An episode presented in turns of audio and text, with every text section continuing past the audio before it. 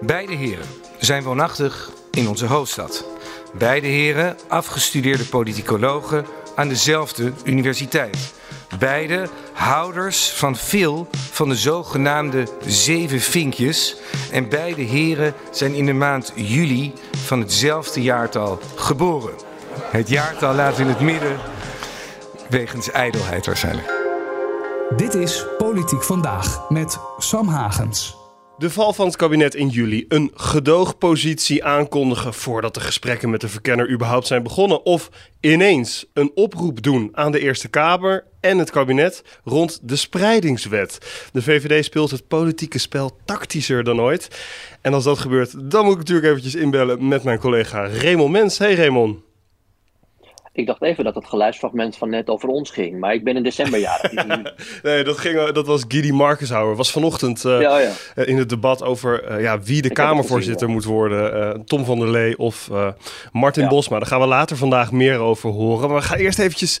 Ja, Naar de VVD. Dit zijn natuurlijk heerlijke dagen, Raymond. Kan je zeggen, ja. ja ik, heb, ik moet ook zeggen, ik had gisteren een dag vrij. Dus ik heb uh, met de hond op de bank gezeten en alles goed uh, kunnen kijken. Het was een heerlijke dag. En toen later kwam nog eens die apotheose dat ze inderdaad zei van... oh, trouwens, ik heb nog even een verzoek namens ook die drie andere partijen.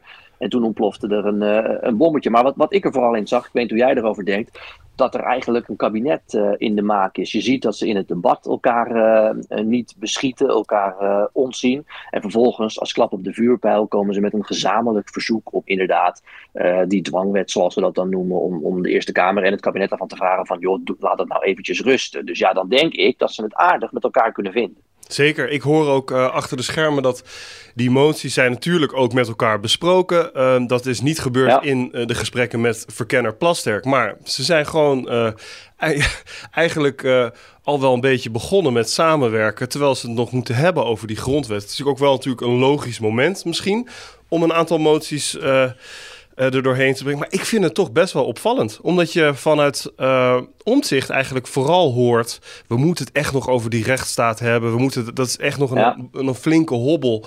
Maar ja, achter de schermen zijn ze dus uh, toch uh, gewoon begonnen. Even uitleggen wat er gisteren gebeurde. Jezilke stond gisteren als fractievoorzitter in de Tweede Kamer... bij het debat over de verkiezingsuitslag en het verslag van de verkenner. Ze dient een motie in die het kabinet en de Eerste Kamer oproept... om even te wachten met het behandelen van de spreidingswet... die dus al uh, de afgelopen periode door de Tweede Kamer is gekomen... en nu bij de Eerste Kamer legt. De kans is eigenlijk best wel groot dat hij er niet doorheen komt... maar toch doen ze een oproep aan dat eigen kabinet, waar zij dan ook weer minister in is, waar zij dan aan het hoofd van het ministerie staat wat over die spreidingswet gaat. Volg je het nog? Ik niet. Uh, Merel Eck vroeg eventjes na het debat of er niet te veel dubbele petten zijn aan Jesselgus. Ik sta als fractievoorzitter te debatteren over de verkiezingsuitslag. En daar ben ik heel duidelijk in. Daar is de VVD trouwens heel duidelijk in. Onze inzet is heel erg duidelijk. De Tweede Kamerfractie was bij de indiening van de spreidingswet heel erg duidelijk. Maar u gaat in tegen de Eerste Kamer. Het ligt nu bij de Eerste Kamer. Integendeel, we gaan helemaal niet in. We zeggen tegen de Eerste Kamer. Een pas op de plaats zou het advies zijn vanuit de Tweede Kamer. En dat kan. En dat staat gewoon in die motie. Dat is helemaal niet Ja, maar dat is toch raar als je dat vraagt als Tweede Kamer? Ja, ga maar naar de volgende politieke vraag. spelletjes. Nou, de mensen zijn heel erg klaar met dat probleem niet worden opgelost. Dat is mij echt heel erg helder en ik geef ze ook gelijk. Ja, ze kan wat gepikeerd soms of geïrriteerd raken hè? als ze dan gelijk door ja, gaan ja, naar de volgende vraag. Maar hoe luister jij naar Jusselgus als je er nu zo hoort? Je verwacht het misschien niet van mij, maar van vrouwen wordt dat wel al heel snel gezegd. En dat ze dan gepikeerd is, terwijl een man oh. die is dan gewoon... Uh, maar je hebt, een, je hebt een beetje gelijk. ik, mag het van Merel, ik mag het van Merel wel zeggen hoor. Hoe, hoe oh, luister jij naar Jusselgus nu? Ja, op twee manieren. Kijk, aan de ene kant, uh, toen ik het gisteren zag, dacht ik, ik ben ook een beetje spoorbijster wat nu precies uh, de strategie is. Eigenlijk was ik al het spoorbijster de dag voor de verkiezingen, toen in één keer toch die deur naar Geert Wilders werd dichtgedaan. Nou ja, die discussie hoeven we niet over te doen. aan de andere kant snap ik hem ook wel weer een beetje, omdat de VVD, dat weet je ook, nooit ontzettend enthousiast is geweest, de fractie dan niet, over wat ze dan die dwangwet noemen. En het verhaal van de VVD is altijd geweest, een beetje vergelijkbaar met wat de Republikeinen in Amerika ook zeggen van ja, uh, we kunnen allerlei dingen uh, doen om migratie in betere banen te leiden. Maar eerst willen we die muur bouwen. En de VVD zou in Nederland dan zeggen, eerst moeten we wat aan die instroom doen. En daarna kunnen we eventueel zo'n spreidingswet uh, in werking stellen. Nou, vervolgens is er een hele nieuwe verkiezingsuitslag met wij concludeerden dat net ook al een beetje, een rechtskabinet dat toch in de maak lijkt. Ja, op zich is het dan niet zo gek om te zeggen van, joh, wacht hier even mee. En dat kun je, wat gisteren ook in het debat gezegd werd, dat kun je dan via een e-mail doen of een sms'je, dat kan. Maar dan kun je het net zo goed ook in de openbaarheid doen. En dat dat staatsrechtelijk vreemd is, dat weet ik ook wel. Maar het kan wel. En het is niet zo gek, ook gezien de verkiezingsuitslag en gezien het feit dat zij met elkaar gaan praten, die vier partijen. Nee, vanuit uh, de VVD kan ik me er iets bij voorstellen. Bij Omzicht? Ja, vond ik dat inderdaad ook gek. Ja, en ik moet ook eerlijk zeggen dat ik dan uh, de wijze waarop hij, hè, werd dan bevraagd ook in de Kamer van, ja, maar is dit nu wat dan die nieuwe bestuurscultuur is? Dat vond hij ook zichtbaar een beetje, uh, een beetje ongemakkelijk. Ik begreep ook dat hij uh, zelfs voor het indienen, ik moet hem, ik, heb, ik heb nog geen reactie bij de partij gevraagd van, nog niet kunnen doen hoor, over hoe dat precies is gegaan. Maar ik hoorde ja. een gerucht dat hij voor het indienen van die motie door de VVD ook al aan het twijfelen was eigenlijk. Terwijl dit dus allemaal is ja. overlegd. Er is ook een motie aangenomen over een asielstop vanuit de, vanuit de PVV. Er is iets voor zijn constitutioneel ja. hof. Uh, constitutioneel hof is aangenomen. Dus er, er is gewoon overleg. Uh, maar toch was er ineens twijfel. En dat past toch ook. Ik, het, het verbaast mij niet dat hij hierover twijfelt. Nee, mij ook niet. Van, ik, kijk, van die andere partijen kan ik het ook volledig volgen. En ik kan het dus ook vanuit de VVD, als ik het, hè, dan kan ik het wel op die manier uitleggen. Denk, oh ja, dat begrijp ik dan wel. Los van mijn persoonlijke uh, mening, hè, want het is natuurlijk nog steeds gekkenhuis dat we alles aan één of twee of drie gemeenten overlaten. Maar dat terzijde. Uh, vanuit de VVD en ook de BBB kan ik het me wel voorstellen. Maar kijk, politiek is natuurlijk ook vuile handen maken. Dus het is makkelijk als je in de oppositie zit. Maar nu gaat die mogelijk zo meteen regeringsverantwoordelijkheid eh, dragen. Er zal misschien een soort ruilhandel ook geweest zijn. Hè? We gaan ook met jou mee als het gaat om uh, een eerste stapje zetten naar toch kijken of, of dingen constitutioneel allemaal wel kunnen. Ja, dan hebben we ook je handtekening hiervoor nodig. En ook hij wil, dat heeft hij ook in de campagne natuurlijk gezegd, die instroom beperken. Dus wat dat betreft uh, past dit wel allemaal een beetje bij elkaar. Maar ik weet niet of jij of Merel al Erik van den Burg heeft gezien. Nou, die is zuurstof liggen. Die kan hier elk moment aankomen. Of, nou, later vandaag, okay. kom, later okay. vandaag komt hij. Want er gaat natuurlijk gestemd worden. Die zal er niet blij mee zijn. Nou, nou, echt niet. Ik begreep, uh, ik hoorde nee. Elodie Verwij gisteravond zeggen bij Rensen uh, dat hij heeft gedreigd om af te treden als ze met deze motie door zouden gaan. Nou, de motie is uiteindelijk ingetrokken, even uitgesteld. Ik begrijp dan weer, de VVD ontkent dat geluid dat hij heeft gedreigd. Ja. Uh, dat zou dan juist bij zijn ambtelijke ondersteuning zijn geweest en misschien niet bij via de officiële lijnen waar je dan zou kunnen dreigen. Dus bij een Jisselgus ja. of bij een Rutte. Maar de, de chaos is in ieder geval compleet. We hebben de afgelopen weken de VVD gevolgd in uh, dat, dat standpunt van wij gaan gedogen. Zij moesten naar die achterban co continu uitleggen waarom ze dat deden. Overal gesprekken, daar hebben we elkaar ook nog gezien. Jij bent ook op een van die ja. ledenavonden geweest. Is dit nu ook, met wat er nu, Erik, want er zijn eigenlijk twee spanningen nu. Een spanning binnen de VVD zelf en die spanning binnen het ja. kabinet. Dat wordt morgen in, bij die ministerraad niet gezellig. Kun jij beoordelen of die onrust nu binnen de VVD weer helemaal terug is? Nou, ik denk eerlijk gezegd eerder dat die onrust een beetje gaat liggen binnen de VVD. Want uh, je kan dit ook vertalen vanuit een beetje partijpolitieke overwegingen. Uh, de VVD zit natuurlijk uh, in een lastige positie nu, gezien de uitslag en gezien wat ze zowel voor als na de verkiezingen gezegd hebben. Dat komt toch over als twee verschillende dingen. En dit is een makkelijke manier om aan je achterban te laten zien dat je in ieder geval meteen stappen wil zetten op migratie. Dat wil ook de hele achterban van de VVD ook van die andere partijen. Dan denk ik dat ze het ook samen gedaan hebben. En dan is dit wel even korte klap uh, snel thuis. En we kunnen hem overigens ook omdraaien. Als ze, dit, ze, hadden dit ook niet kunnen doen. Uh, dus, dus, dus één is, het is een makkelijk scoren voor je achterban. Eerdere manier denk ik om die rust wat meer terug te brengen. Maar ja, het andere verhaal is, ze hadden het ook niet kunnen doen. En dan, dan gaat het door de Eerste Kamer. Dan gaat ergens in het voorjaar het kabinet beslissen om dit uit te voeren. En dan hebben we drie maanden later misschien een kabinet wat alles ook weer terugdraait. Want dat nieuwe kabinet gaat sowieso dit niet doen. Ja, ja goed. Want de PVV ja. gaat nooit deze wet toestaan. Nee, nee, en de BBB ook niet. Dus ja, zeg het maar. Maar ja, is het dan, is het dan wel nodig? Ja. Um, eh, ja. Het is sowieso... Of, of... Ja, wat wil je zeggen?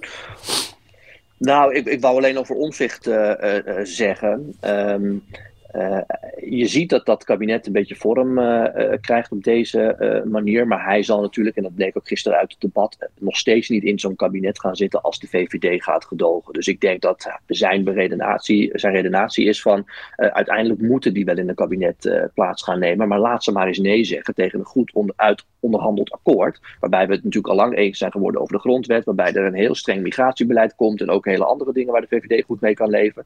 En ja, laat ze dan maar eens nee zeggen dat ze alleen gaan gedogen. Dat die, die strijd is nog niet klaar hoor, wie er welke rol aanneemt. Zeker niet. Ik zie ineens voor de mensen die naar het beeld kijken dat er een gewei groeit uit mijn hoofd. Zie je dat ook? Dat is het gewei. Ja, van, de Partij voor de Dieren, toch? En van GroenLinks Partij van de Arbeid. Oh, GroenLinks PvdA. nou ja, het is bijna kerst, dus het kan. Um, Jij had geen gewei op in de kerstcommercial. Jij wel, ja. Dat was een hele mooie. Staat op de Instagram-pagina. Jij wilde het nog hebben, uh, Raymond, over Geert Wilders en over een fragment uit uh, het debat. Wil je, er, wil je er nog iets over zeggen of zullen we er gelijk naar luisteren? Bijna 2,5 miljoen Nederlanders hebben op 22 november de PVV hun stem en vertrouwen gegeven. Ze hebben ons met 37 zetels met afstand de grootste fractie van de Tweede Kamer gemaakt. Ze hebben daarmee massaal gekozen voor onze agenda van hoop. Voor Nederlanders op één. Voor minder asiel en immigratie en meer geld in een portemonnee. Waarom wilde je dit fragment horen?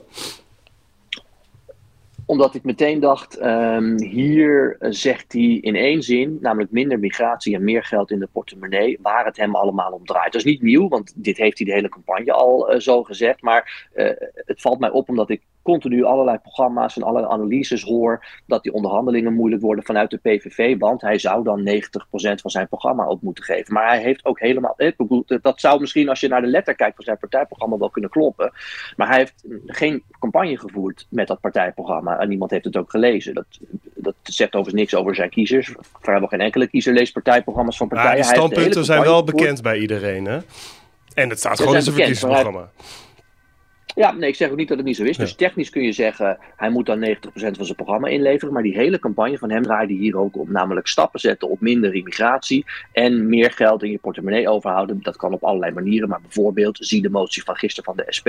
Dat kan ook door het eigen risico af te schaffen. Dat is heel voelbaar voor mensen. Daar gaat het hem om. Dus als je de campagne van de PVV naast eventuele onderhandelingen ligt, dan klopt het niet dat hij 90% moet inleveren. Het gaat hem echt puur om die twee dingen. Ja, uh, twee punten die voor de VVD ook heel belangrijk zijn. Niet heel verrassend. Ook de partij waar jij uh, aan verbonden bent, wat dat betreft. Alleen zij nee, hebben daar niet op kunnen scoren. Nee, maar dit zijn overigens punten waar denk alle vier de partijen mee kunnen beleven, leven. Behalve dat de VVD en NSC zullen zeggen, wat, eh, waar gaan we dat geld dan ophalen? Want het moet wel betaald worden. De BBB heeft al gezegd, we kunnen best even in de rode cijfers. Uh, het zal de PVV ook niet erg vinden, maar goed, daar gaat de discussie dan over. Maar goed, het idee dus dat zijn kiezers zwaar teleurgesteld zullen raken als hij 90% technisch gezien van zijn programma inlevert, klopt denk ik niet. Het gaat hem om die twee punten en dat herhaalde hij gisteren ook weer. Duidelijk.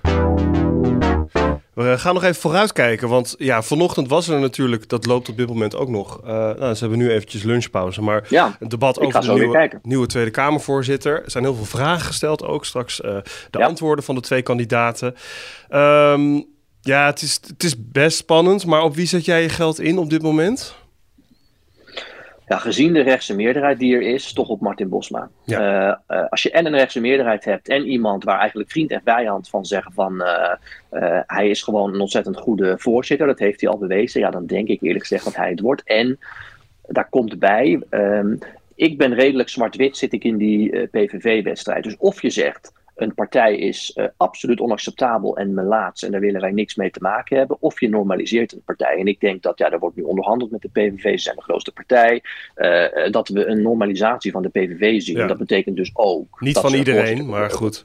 Wel van een groot deel nou ja, wel, in de Kamer.